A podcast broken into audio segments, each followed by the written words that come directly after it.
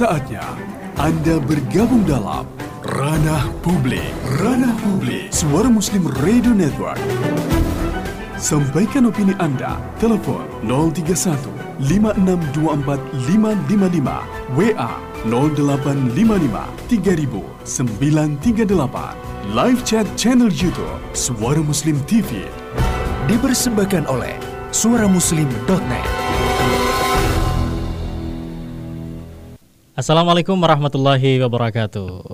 Alhamdulillah. Waalaikumsalam warahmatullahi wabarakatuh. Oke, hari Jumat semangat Ais ya. Iya, semangat sekali Mitra Muslim. Baik, dan ini juga sudah di hari yang ke-23 ya. Betul. Kemarin ada hari santri, kemudian sebelumnya tanggal 20 Oktober itu setahun pemerintahan eh, Jokowi Ma'ruf Amin. Betul, betul. Ya. Nah, genap setahun Mitra Muslim pemerintahan Jokowi periode kedua dan Hmm. publik menyoroti bagaimana kebijakan dan kinerjanya agak bersemangat mengingat cukup banyak isu yang acap kali menciptakan ketegangan. Ya, setidaknya Mitra Muslim menurut pengamat politik ada tiga hal Nah. untuk mengukur dan menilai secara objektif kinerja Jokowi di periode kedua ini.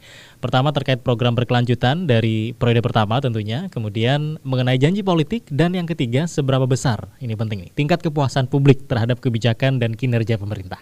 Kalau ditanya apa program berkelanjutan Jokowi, jawabannya infrastruktur, ya kan? Ya, Tol, bandara, dan kereta cepat masih terus berlanjut. Bahkan mimpi ibu kota baru. Meski demikian, Mitra Musim, pembangunan infrastruktur Jokowi ini juga masih meninggalkan banyak catatan. Nah, lalu bagaimana dengan janji politik, kemudian juga kepuasan publik, kepuasan Anda di Mitra Musim sebagai warga negara Indonesia. Apakah Anda puas atau mungkin masih ada hal yang harus Anda sampaikan kepada pemerintah? Mari kita diskusikan pagi ini dalam program Ranah Publik. Ranah Publik. Ranah Publik.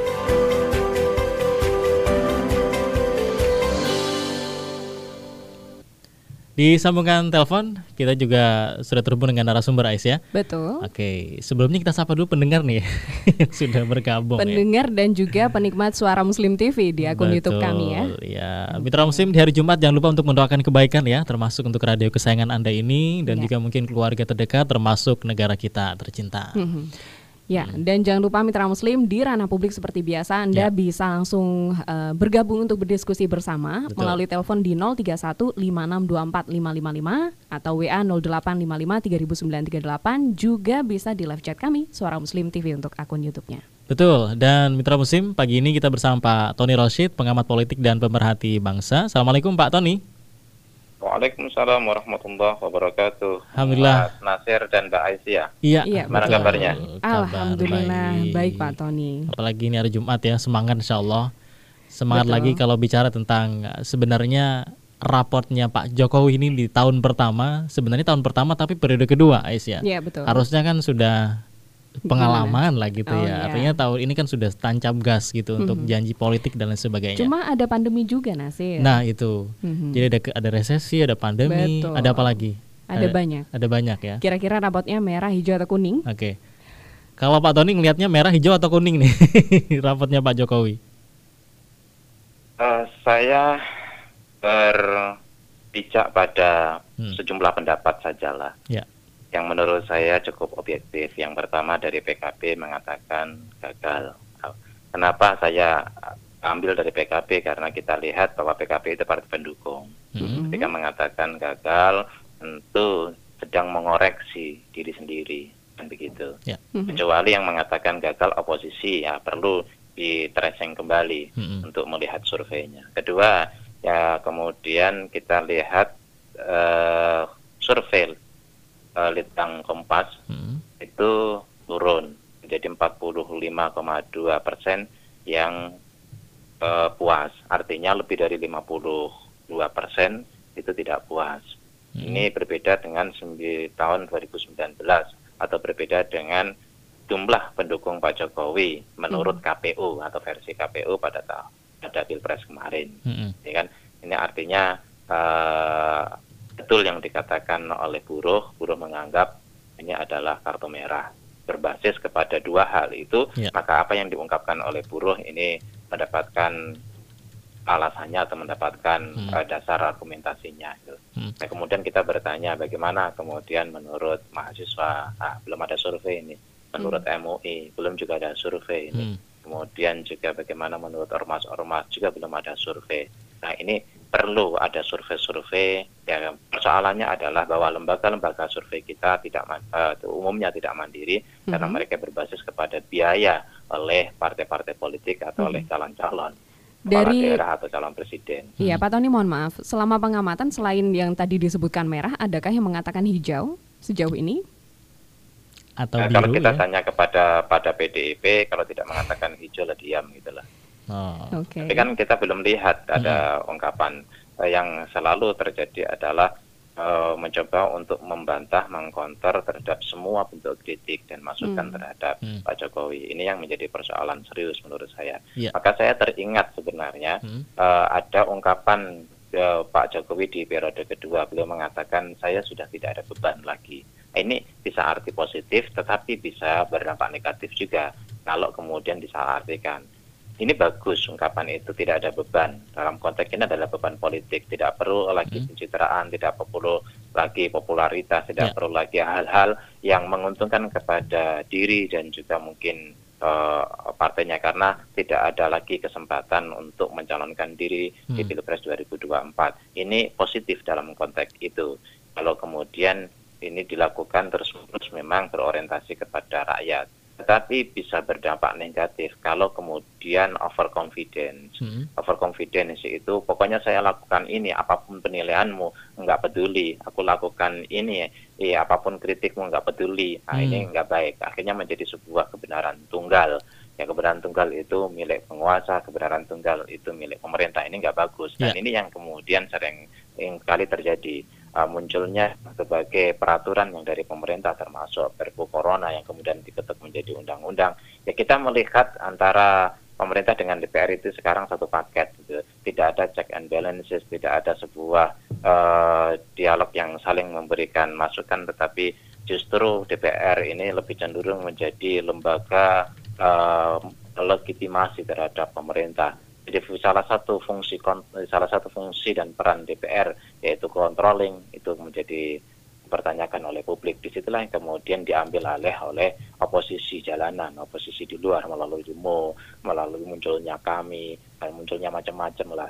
Yang kemudian sebuah ekspresi kekecewaan rakyat terhadap DPR yang kehilangan fungsi dan juga perannya yaitu kontrol kepada pemerintah. Nah, ketika tidak berfungsi itu nyaris tidak berfungsi lah. Kalau tidak berfungsi sama sekali kan nggak enak ngomongnya. Ya. Nyaris tidak berfungsi. Kan. Oke. Kalau nyaris tidak berfungsi itu mungkin 99% nggak berfungsi kan. Satu persennya itu berfungsi. Pak Tony kalau Ya, kita supaya- eh, ya kalau kita balik ke presidennya tadi ngomongin DPR ya begitu. Itu kegagalan yang disebut oleh Partai Keadil eh, Kebangkitan Bangsa PKB, maksudnya kegagalan dari sisi apanya nih, Pak? Gagal segi bagi-bagi kursinya kah atau gagal apanya? Eh, kalau partai itu bicara harus kita maknai ya. Memang eh, partai ini sering kali eh, mengambil umpan Oke. yang sudah muncul untuk memancing ikan dan mengambil umpan bahwa betul banyak pihak yang mengatakan eh, ada masalah sangat serius terkait dengan perjalanan pemerintahan Pak Jokowi khususnya untuk satu tahun terakhir ini. Hmm. Eh, termasuk di antaranya adalah undang-undang omnibus law. Ini kan usulan dari pemerintah. Maka yang dianggap terus bersalah paling awal itu adalah pemerintah. Apalagi Pak Luhut itu mengatakan beliau adalah salah satu eh, pencetus terhadap undang-undang atau pada saat itu menjadi RUU lah masih RUU omnibus law ini. Hmm. ya. Eh, di sinilah kemudian masyarakat memberikan reaksi yang luar biasa dan ini seperti titik kulminasi. Kalau kita lihat undang-undang KPK mahasiswa yang turun, kalau kemudian kita lihat undang-undang Minerba mahasiswa yang turun, ada sebagian di luar mahasiswa tapi kecil sekali. Hmm. Nah, Omnibus Law ini semua kemudian RUU HIP, MUI dan ormas-ormas Islam yang turun atau ormas yang lain juga turun. Tetapi dalam konteks Omnibus Law ini semua elemen masyarakat itu turun. Buruh, pelajar, apa, apa, mahasiswa, kemudian ormas, MUI, bahkan juga pelajar itu semua turun ini titik kulminasi. Ah, di sinilah biasanya ketika rakyat teriak begitu kencang, partai-partai ini kemudian berselancar, gitu. Oh, iya, berselancar. Ya, Ya. di atas Politisi, ya. gelombang yang sedang digaungkan oleh Mengikuti eh, arus. gelombang suara yang sedang digaungkan oleh rakyat. Oke. Nah, dia mengatakan di situlah dia benar mengatakan bahwa ini Hmm. ada kegagalan. Nah, kalau diungkapkan dia banyak data karena memang faktanya begitu. Hmm. Terus kemudian tetapi tentu ini pisau bermata dua. Gitu.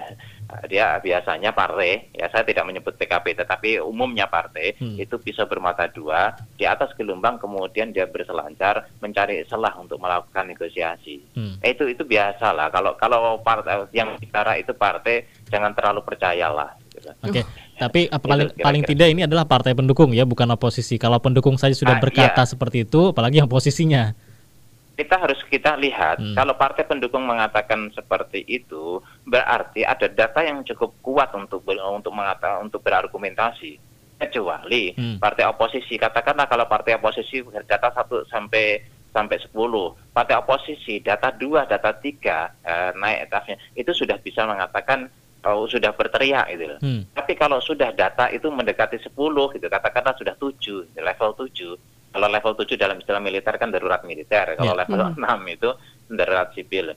Kalau levelnya level ke-7, ah ini berarti sudah tinggi sekali tingkat kegagalannya. Hmm. Itu partai pendukung yang akan teriak. Tapi kalau levelnya di bawah 5, partai pendukung nggak akan teriak. Artinya apa? Jaga-jaga gitu. Kalau kalau ternyata ada sesuatu, ah, dia bisa selamat. Seperti RUU HIP lah Ya. kita lihat tuh. kemudian semuanya eh, teriak seolah-olah mendukung penolakan terhadap RUU HIP padahal di awal mereka adalah mendukung terhadap RUU HIP nah, begitulah partai politik itu jadi di sini memang eh, sangat bergantung kepada eh, suara dan desakan Hmm. rakyat kalau itu kuat maka partai-partai akan mengikut ya. kalau itu nggak kuat partai-partai akan berjoget sendiri Ya. Wah ini ironi berarti kondisi demokrasi di negara kita sakit sekali Pak Tony.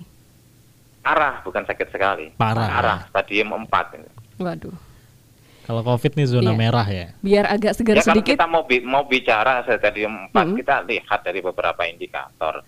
Kita lihat pertama Hmm. ya pemilihan pilkada Pak Mahfud MD pernah mengungkapkan jadi keterlibatan eh, keterlibatan eh, borjuis lah, keterlibatan para pengusaha Pemodal ya, ya. itu 92 persen pada ter- terhadap pilkada terhadap pemilu Dan Iya. bukan hanya pilkada terhadap pemilu terhadap pilkada beliau bilang tapi pemilu juga mengatakan legislatif juga coba tanya Hmm. legislatif itu ya mereka dapat dana dari mana Iya. kalau satu orang itu kebutuhan minimal 10 miliar apakah pakai dana sendiri Hmm. kalau bukan Mhm. incumbent bukan pengusaha nggak akan bakal mampu Nah, Mhm. ada incumbent incumbent apalagi incumbent incumbent itu rata-rata sudah punya jaringan sebenarnya punya Iya. lubang-lubang modal dari Hmm. tempat lain Hmm. apalagi pilpres kita bisa bayangkan begitu Mhm. besarnya itu satu yang kedua ke- kita lihat ya eh, K- KPUD KPU itu ber- selalu bermasalah ya pada pada akhirnya terbuka pada akhirnya itu kan Ya. Semua bermasalah itu ya, terkait lobby-lobby jadi ternyata pertarungan perebutan suara itu juga terjadi di KPUD ini kan terjadi kemudian juga kita bisa eh, bisa juga lihat bahwa ada keterlibatan pihak-pihak yang memiliki kekuatan dan kekuasaan di Hmm. sana. Ini kan juga merusak demokrasi. Nah, kemudian pers, ya kita tahu lah pers sekarang sudah sangat terkendali. Kampus sekarang setelah rektor dipilih oleh menteri dan dekan dipilih oleh eh, rektor, kemudian menyingkirkan senat sampai pada final pemilihan itu juga menjadi sebuah persoalan. Bahkan eh, pelajar dan juga mahasiswa ada yang diancam administratif secara administratif Susah nyari kerja gitu, katanya. demo, Ya. gitu kan susah nyari kerja dan ada sebuah uh, UI sendiri lah ketika mahasiswa pertama masuk Ya. harus membuat fakta integritas untuk tidak Mhm. ikut ikut demo ini kan Ya. juga persoalan. Ah ini ini potret demokrasi kita. Kalau saya uh, kalau kita menggunakan bahasa kedokteran yang sudah stadium 4 gitu. Oke, Mhm. yang itu terjadi di pemerintahan Presiden Jokowi, Pak Tony ya. Eh, iya di era di era reformasi sudah sakit, terus kemudian makin ke sini makin parah dan Mhm. sekarang itu sepertinya puncak keparahannya saat ini. Waduh. Harusnya tambah baik Ais ya. Ini eh, boleh nggak kalau sedikit dalam tanda kutip menyalahkan karena pandemi, jadi target-target yang memang sudah di awalnya di plan akhirnya bergeser Ya, begitu. tapi kan kita belum bicara target janji-janjinya nih ya. Nanti akan kita uh, diskusikan dengan Betul. Pak Tony. Ya. Janji-janji apa saja kemudian yang meleset karena tanda kutip alasannya adalah pandemi sehingga resesi ekonomi. Tapi setelah jeda pariwara Ais ya. Kita ingatkan mitra muslim untuk bergabung ya. Betul. Nasir. Di Suara Muslim TV Anda bisa tuliskan komentar Anda di live chat. Ya. Sudah ada Bu Nur Ihwani juga Mhm. yang menyampaikan ini mungkin bisa ditambah dengan alasannya. Kenapa Oke. mengatakan kartu merah Ya, ya, katanya. ya. Dan di WhatsApp juga tadi uh, kita bikin status uh, survei kecil survei bersama Anda mitra muslim ya. Tadi uh, puas atau tidak dengan pemerintahan Jokowi JK eh, Jokowi MA Gitu Maruf Amin di tahun pertama ini? Ada Ya, yang menyebutkan betul. puas, ada yang tidak. Sampaikan Betul. juga alasannya. ya. Alasannya. Kenapa puas dan kenapa tidak puas? Ini bagus, sal- satu boleh kita baca Oke. ya. Bu Septiani menyampaikan puas setelah adanya prakerja saya dapat pengetahuan dan Oke. insentif. Alhamdulillah itu alasannya puasnya Oke. karena kartu prakerja ya. Iya. Oke. Kemudian juga ada Umi Salsa Mm-mm. eh, menyampaikan tidak puas sama Oke. sekali karena menurut beliau tambah ruwet. Semoga segera sadar. Ini Baik. siapa yang harus sadar? Gimana ruwetnya? Dijelaskan ya Umi. Mungkin bisa Betul. lebih detail lagi. Kalau kita lihat ini Ais ya, uh, Ya. saya cek di uh, digital, jejak Mhm. digital visi Jokowi Maruf Amin untuk Indonesia 2019-2024 Mhm. ada pembangunan infrastruktur, pembangunan SDM, penggunaan investasi, Ya. mereformasi birokrasi dan menjamin penggunaan APBN yang fokus dan tepat sasaran. Setiap rupiah yang keluar dari APBN semuanya harus kita pastikan memiliki manfaat ekonomi. Kalau di tulisan Pak Tony, kalau tidak salah tadi ada disinggung tentang pembangunan inf- infrastruktur yang terus Mhm. berjalan bahkan Bisa disebut ini prestasinya iya Jokowi M. Oke, tapi tadi Pak Tony menyebutkan ada banyak masalah di sana. Apa catatannya Pak Tony dari eh, pembangunan infrastruktur zaman Jokowi ini? Jokowi MA. Ya, Ya. kita eh, melihat kelebihan dari era Pak Jokowi ini adalah pembangunan infrastruktur itu tidak boleh tutup mata. Hmm. Kita harus kita akui, kita harus ki- kita apresiasi. Eh, karena memang bisa dikatakan inilah yang paling menonjol. Ya, kalau kemudian dikatakan inilah eh, prioritas ya, unggulan dari program-program Pak Jokowi mulai dari periode pertama sampai periode kedua. Ya. Tetapi memang eh, saya mencoba untuk menganalogikan sederhana dalam keluarga itu Hmm. dalam keluarga itu memang butuh bangun rumah yang bagus ya anaknya lima uh, sua- suami istri dua ya itu perlulah kemudian kamar setidaknya ada tujuh ya Hmm. Tapi kalau kemudian keluarga itu miskin susah apakah maksain mau kamar tujuh kenapa tidak dibuat satu kamar itu untuk dua anak yang masih kecil Hmm. dua-dua ya satu apa satu kamar dua dua anak atau bisa eh, juga ada ruangan yang kosong Hmm. bukan kamar tapi bisa di, dipakai untuk itu Ya. apalagi itu di tengah kota ini ah dalam konteks ini bahwa infrastruktur yang dibangun oleh Pak Jokowi tidak melihat kemampuan yang dimiliki terutama kemampuan eh, modal untuk membangun infrastruktur itu maka apa yang kemudian terjadi infrastruktur pembangunan infrastruktur begitu masif kalau bahas, banyak bahasa eh, publik itu mengatakan ugal-ugalan akhirnya menyisakan berbagai persoalan di antaranya ya hutang membengkak bisa dikatakan hutang semua semua presiden masa lalu kalau diakumulasi hutangnya lebih banyak hutangnya era sekarang gitu ya. Wow. ini kan juga menjadi sebuah per- persoalan Ya. Sekarang sudah sekitar eh, apa lima ribu lima ribu triliun Hmm. ya padahal sebelumnya itu berapa kan sangat kecil dibanding tentang sekarang Ah, kalau kemudian sering kali ber- eh, punya alibi ya kalau dibanding dengan China dengan Amerika hutang mereka jauh lebih besar nggak bisa begitu dong kalau Hmm. kemudian kita punya rumah tangga eh, kalau hutangnya besar sekali atau tangga itu lebih besar lagi ya lebih besar lagi mereka jauh lebih mampu untuk membayar daripada kita Ya, pendapatannya Ya, lebih banyak ya. Iya, mereka pengusaha Hmm. ya. Ya kamu PNS bahasanya gitu. Gaji per bulanmu berapa itu? Pendapatan Ya. mereka bukan bulanan, harian pendapatan mereka. Hmm. Ini ini membandingkan Indonesia dengan Amerika, dengan China dan beberapa negara Eropa tentu tidak pas kan. Ya eh, itu itu satu. Kemudian yang kedua catatannya eh, atau ma- masalahnya eh, infrastruktur ini tidak linear dengan pembangunan ekonomi. Ya, jadi kalau kita bicara infrastruktur itu kan ada ada infrastruktur eh, infrastruktur ke- kewajiban memang harus Hmm. harus dibangun itu karena kebutuhan rakyat. Gitu.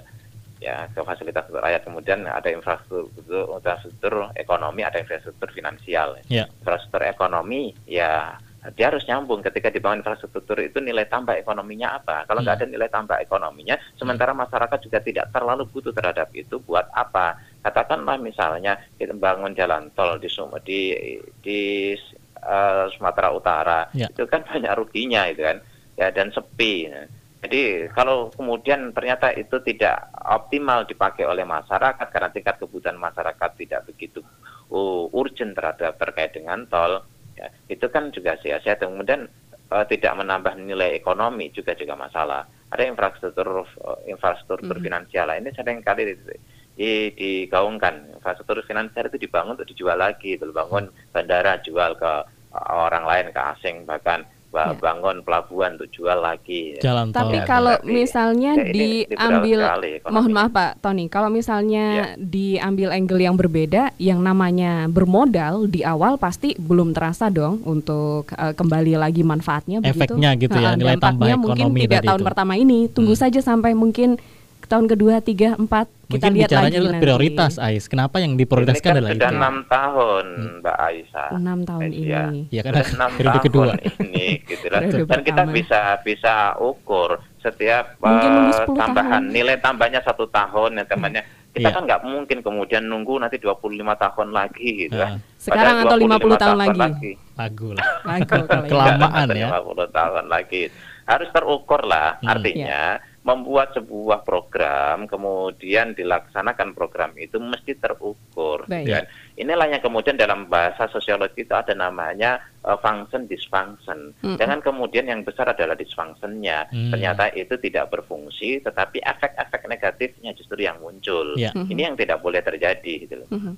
Sebenarnya Gitu. saya ingin menanyakan ada nggak sih yang benar-benar hijau dari apa yang kita bicarakan dari awal tadi Pak Tony? Soalnya dari catatan saya sama Nasir Hmm. sepertinya merah semua ini. Atau Gimana? investasi misalnya. Ini kalau kita Iya. lihat janji investasinya adalah kita harus mengundang investasi yang seluas-luasnya dalam Iya. rangka membuka lapangan pekerjaan. Dan Jangan ada yang alergi Iya. terhadap investasi. Jadi mungkin eh, rapot hijaunya adalah omnibus law jalan gitu. setidaknya ada empat ya Iya. undang-undang. Coba saya sedikit bicara tentang eh, tambang. Oke. Nikel misalnya, Hmm. ya, Minerba ya, nikel Bang, minerba. yang ada Ya. di Konawe, di di ma- apa namanya Morowali yang rame itu, terus Ya. kemudian di Halmahera gitu kan, Mm-mm. nikel. Kita buka website dan sampai sekarang masih ada dalam bahasa Cina dan website itu kemudian saya minta kepada teman saya yang bisa bahasa Cina Mhm. itu diterjemahkan. Ya. Eh, Saya baca itu, gitu. Hmm. Kemudian data-data. Mi- eh, Misal yang tertangkap sajalah itu kan eh,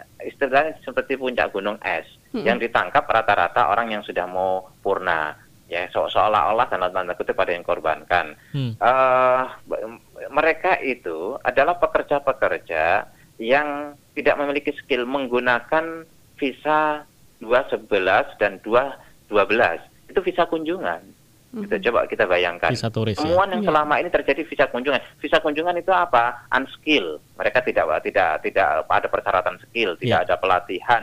Kemudian mereka lulusan SMP, ada lulusan SMA. Ini bicara tenaga kerja asing besar. Pak Tony ya yang Ya, dari ini, Tiongkok. ini tenaga kerja asing, Hmm. ya tenaga kerja asing. Kemudian berbondong-bondong. Saya juga ketemu sama sa- mantan eh, apa namanya manajer, eh, manajer di sana. Saya juga wawancara cukup lama. Hmm. Saya juga jumpa dengan seorang pilot yang memang mengantarkan dari dari Manado ke situ. Ya. Itu setiap hari. Itu berbondong-bondong di tengah masyarakat kita yang tingkat pengangguran itu sangat tinggi dan selalu bertambah. Hmm. Yang di antara janji Pak Jokowi pada 2019 Pilpres 2019 itu ingin mengurangi, tetapi program ya kebijakan yang dipakai tetapi sering kali kontraproduktif bertolak belakang Ya. dengan dengan rencana itu. Nah, ini ini menjadi persoalan. Eh, terus kemudian soal harga ya.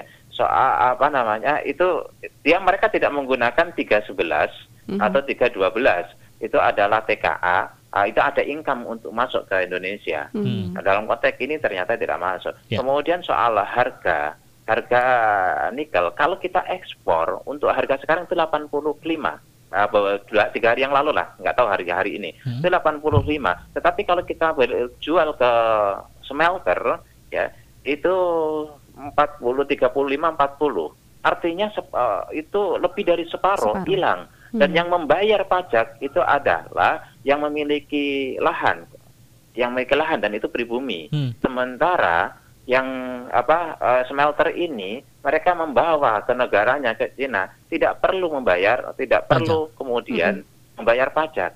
Kita dapat apa? Udah rugi di situ hampir se- sudah separuh lebih.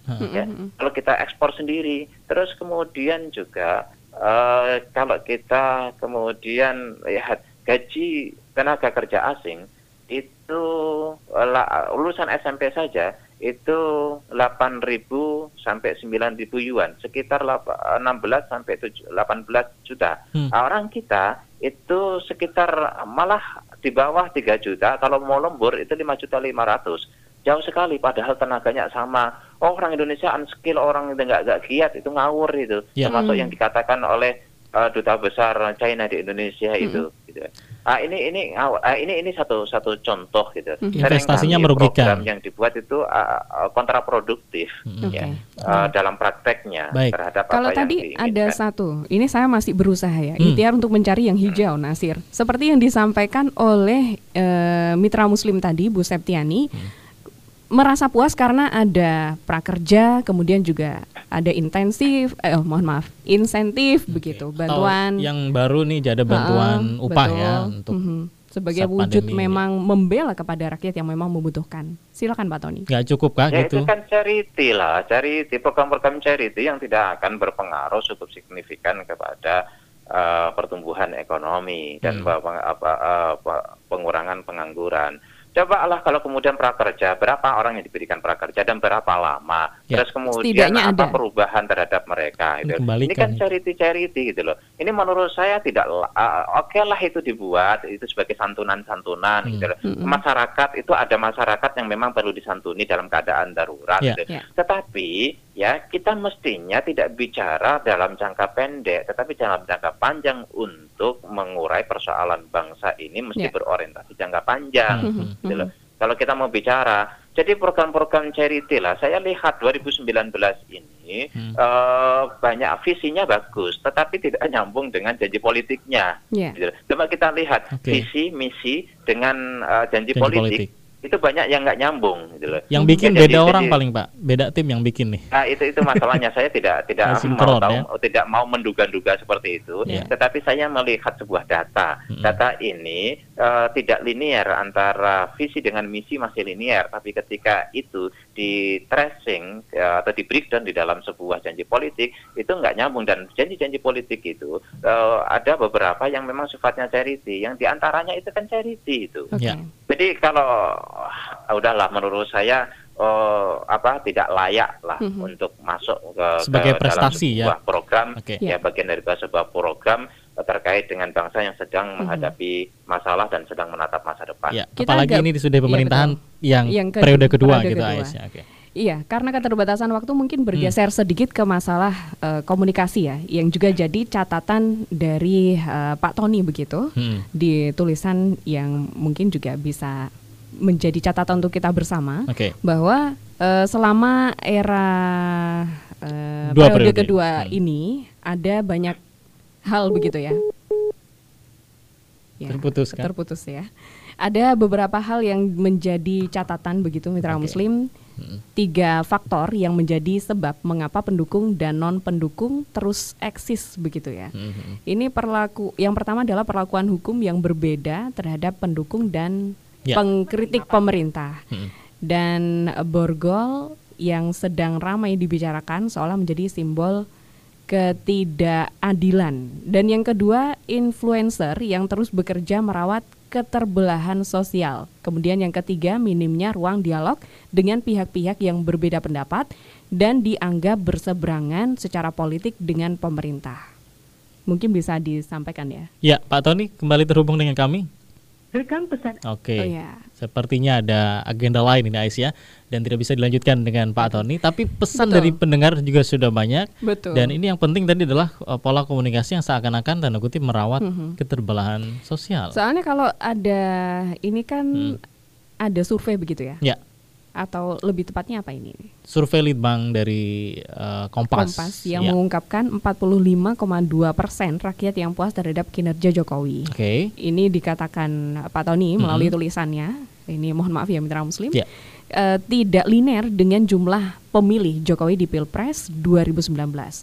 Survei ini telah memberi penilaian negatif untuk setahun kinerja Jokowi. Akankah ada survei tandingan yang akan mengcounter survei Litbang Kompas? Oke. Suaramuslim.net mungkin mau Eh, bikin? baik. Saya jelaskan dulu ya kenapa tidak linear tadi itu karena Ya. ketika Pak Jokowi menang gitu di Aha. periode kedua Mhm. itu jumlahnya lebih dari 45,2 persen. Ya. Le- Berapa kemarin saya lupa eh, angka pastinya begitu Eh, ya. ya. Artinya kalau misalnya dilihat di sini di tahun pertama yang puas hanya 45,2 persen, artinya ada sekitar eh, Mhm. Selisih ya? dua digit gitu ya selisih orang-orang yang awalnya memilih kemudian sekarang tidak puas. Berarti ada something Tapi kan dengan sedikit. pelaksanaannya. Tapi kan sedikit, Sedikit. Nasir. Eh, itu lebih dari setengah rakyat Indonesia loh, Ais. 45 berarti yang nggak nggak puas berarti berapa? 54. 55. 50, Iya. Ya, jadi yang Beda nggak sedikit jadi yang ya. nggak puas lebih banyak dibandingkan yang puas. Ya, oke deh. Oke, mungkin gitu ya. Enggak. Mikirnya tadi ada faktor-faktor ya yang disampaikan yang saya sampaikan di awal Hmm. tadi dari tulisannya Pak Tony ya Mitra Ya. Muslim. Tapi apakah pendapat Anda sama dengan apa yang disampaikan oleh narasumber kita? Betul. Silakan Anda bisa sampaikan di 03156245555 untuk telepon, kemudian Hmm. WA 0855300938. Mau bacakan di live chat dulu kah, Nasir? Baik. eh, ini Bapak atau Ibu? Nur, Ihwani, ini, ya. Ibu. Iya, Yang mengatakan kartu merah tadi ya. eh, gagal seluruhnya mewariskan utang untuk generasi itu alasan setelah beliau kita alasannya. dikatakan gagal karena mewariskan utang begitu. Oke, dan silahkan mitra muslim yang mungkin merasakan justru ada banyak kebaikan dari eh, periode kedua Hmm. Ya. Pak Presiden Jokowi ini. Justru Anda Betul. merasakan banyak kebaikan yang Anda rasakan, silahkan bisa disampaikan ya Mhm. eh, sebagai pembanding dari apa yang disampaikan oleh narasumber tadi. Dan sepertinya kita juga sudah eh, Saya soalnya membutuhkan yang 45,2 persen yang tadi puas itu loh Oh, Nasir. ini kan ada tuh, ada Pak Triansah Pangestu. Oh ya, puas. Nah, puas.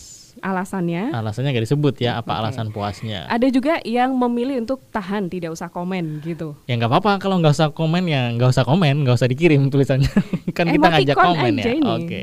Oh ya, dari Pak Ahdar Firdaus di Lampung, apa kabar Lampung, It- mitra Muslim? Eh, betul eh, Sumatera ya. Kemudian ada Iya. itu ada Ibu Fatma Ya, yang mengucapkan puas terima kasih Pak Puas, Jokowi. terima kasih, Tapi Pak tidak Jokowi. disebut puasnya dari aspek apa ini ya? ya. Tapi yang penting puas. Hmm. Oke. Sama-sama Mbak Fatma. Mbak Fatma terima kasih. Kemudian ada juga yang menyampaikan senyum, Heeh. kemudian salaman, Salaman, dan kemudian- terima kasih. Oke, artinya Puas mungkin mungkin, puas ya mungkin dengan puas. apa yang Ya. di uh, Mhm. Ap- apa yang dilakukan oleh Pak Jokowi Oke. kinerja beliau dan juga jajarannya gitu. Satu lagi ya, Mm. sebelum kita ke kilas warta, Ya. ada Bu Erna Syarif Mm. yang menyampaikan, maaf tidak puas sama sekali. Oke.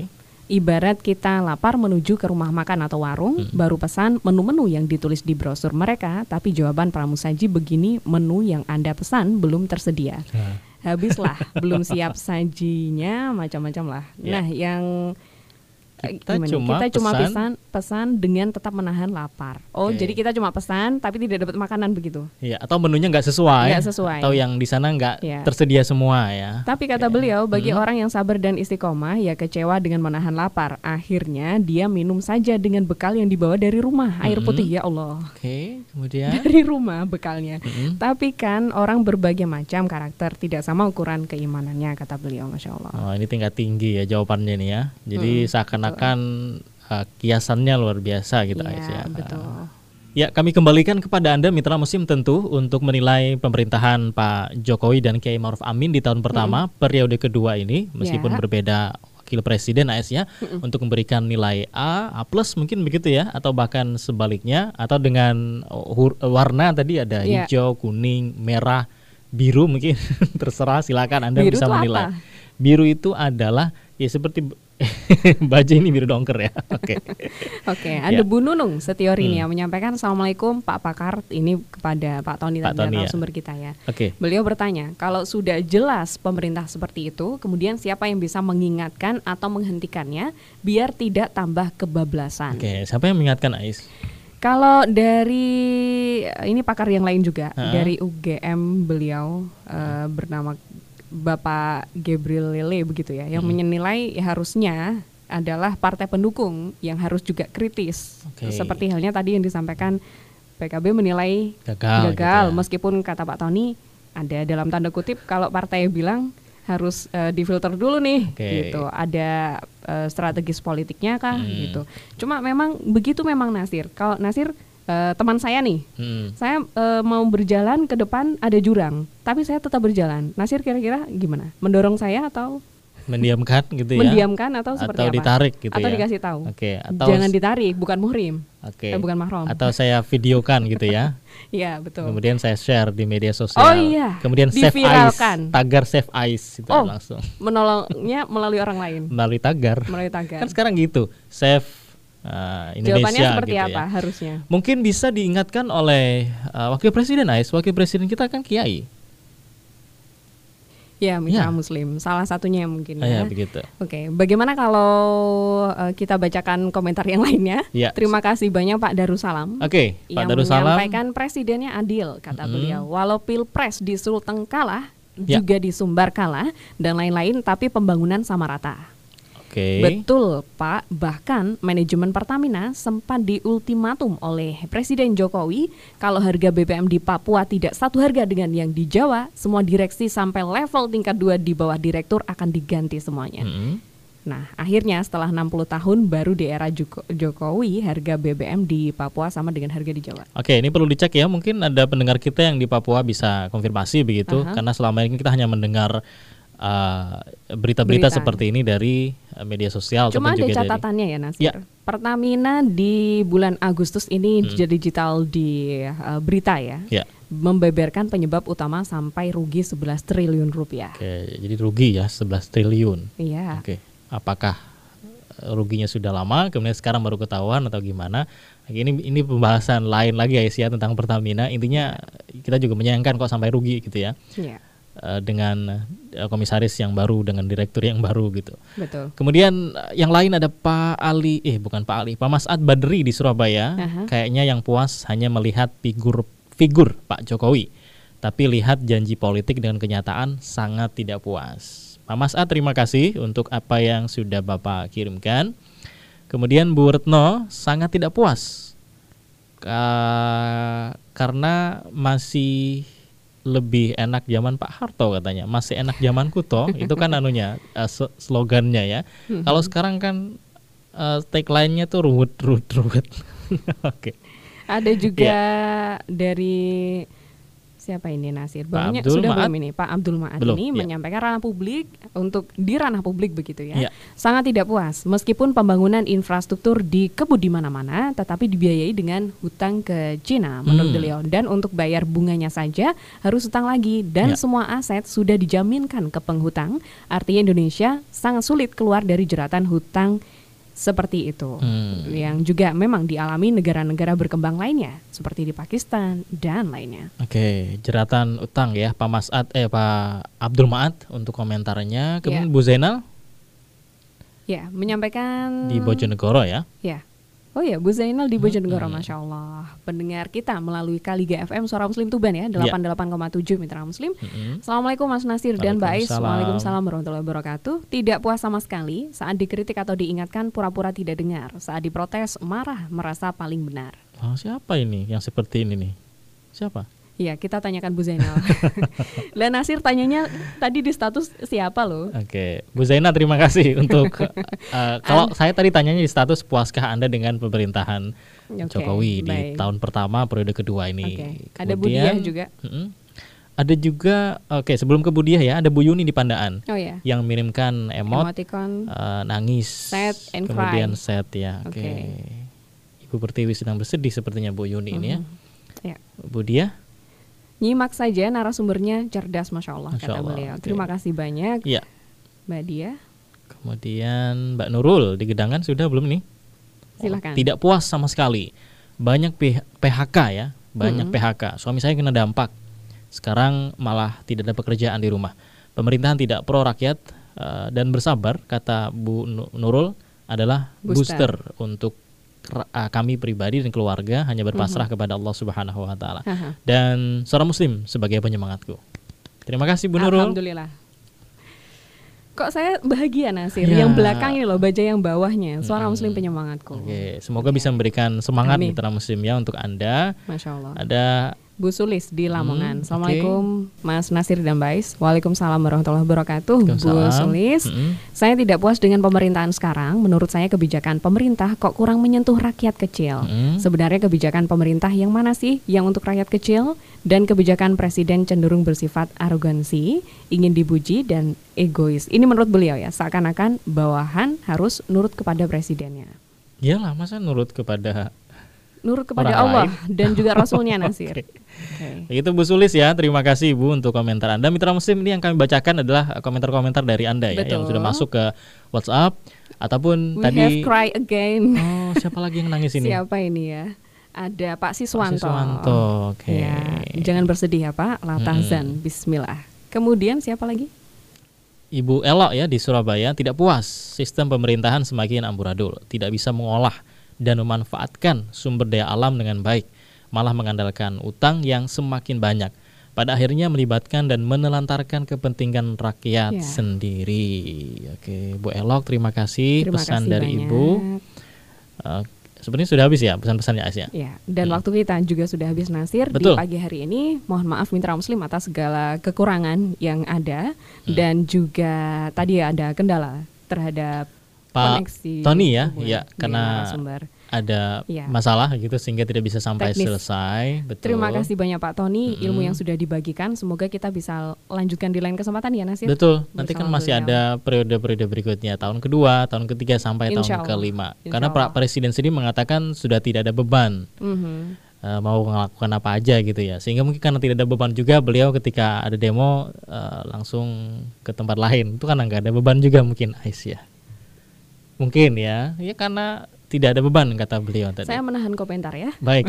Kalau Seperti gitu Pak Anwar Dila. Baik, Pak kalau gitu Mitra Musim tadi. kita akan Iya. eh, kasih pesan-pesan kesehatan tentunya Mitra Musim ini juga masih pandemi. Betul. Kemarin kalau tidak salah judul talk show-nya adalah kita harus tetap waspada meskipun pandemi eh, meskipun Covid sudah mulai melandai ya. Yang sebelumnya. Sebelumnya. oke. Kemarin juga eh, di HSN Hmm, eh, Hari Hari Santri, Santri Nasional, itu temanya juga santri sehat Indonesia kuat. Betul. Gitu. Kita harus tetap sehat Mitra Musim dan jangan Ya. lupa untuk jaga jarak, cuci tangan dengan sabun dan Mhm. menggunakan masker. Betul. Dan juga berdoa semoga pandemi ini segera Ya. berakhir. Akhirnya mitra siar yang bertugas ada Kiki Rizkyani di Suara Muslim Lumajang, kemudian Anwar Fuadi yang ada di Samara FM Tulungagung. Rekan-rekan terima kasih banyak di Kaliga FM Suara Muslim Tuban. Mitra Muslim Anda bisa dengarkan di 88,7 ya untuk Kaliga FM dan juga produser eksekutif Raga Satria, videografer Edi Haryanto, saya Siti Aisyah. Dan saya Muhammad Nasir pamit dari ruang dengar Anda. Subhanakallahumma bihamdika asyhadu an la ilaha illa anta astaghfiruka wa atubu ilaik. Dan kita tutup dengan Wassalamualaikum warahmatullahi wabarakatuh.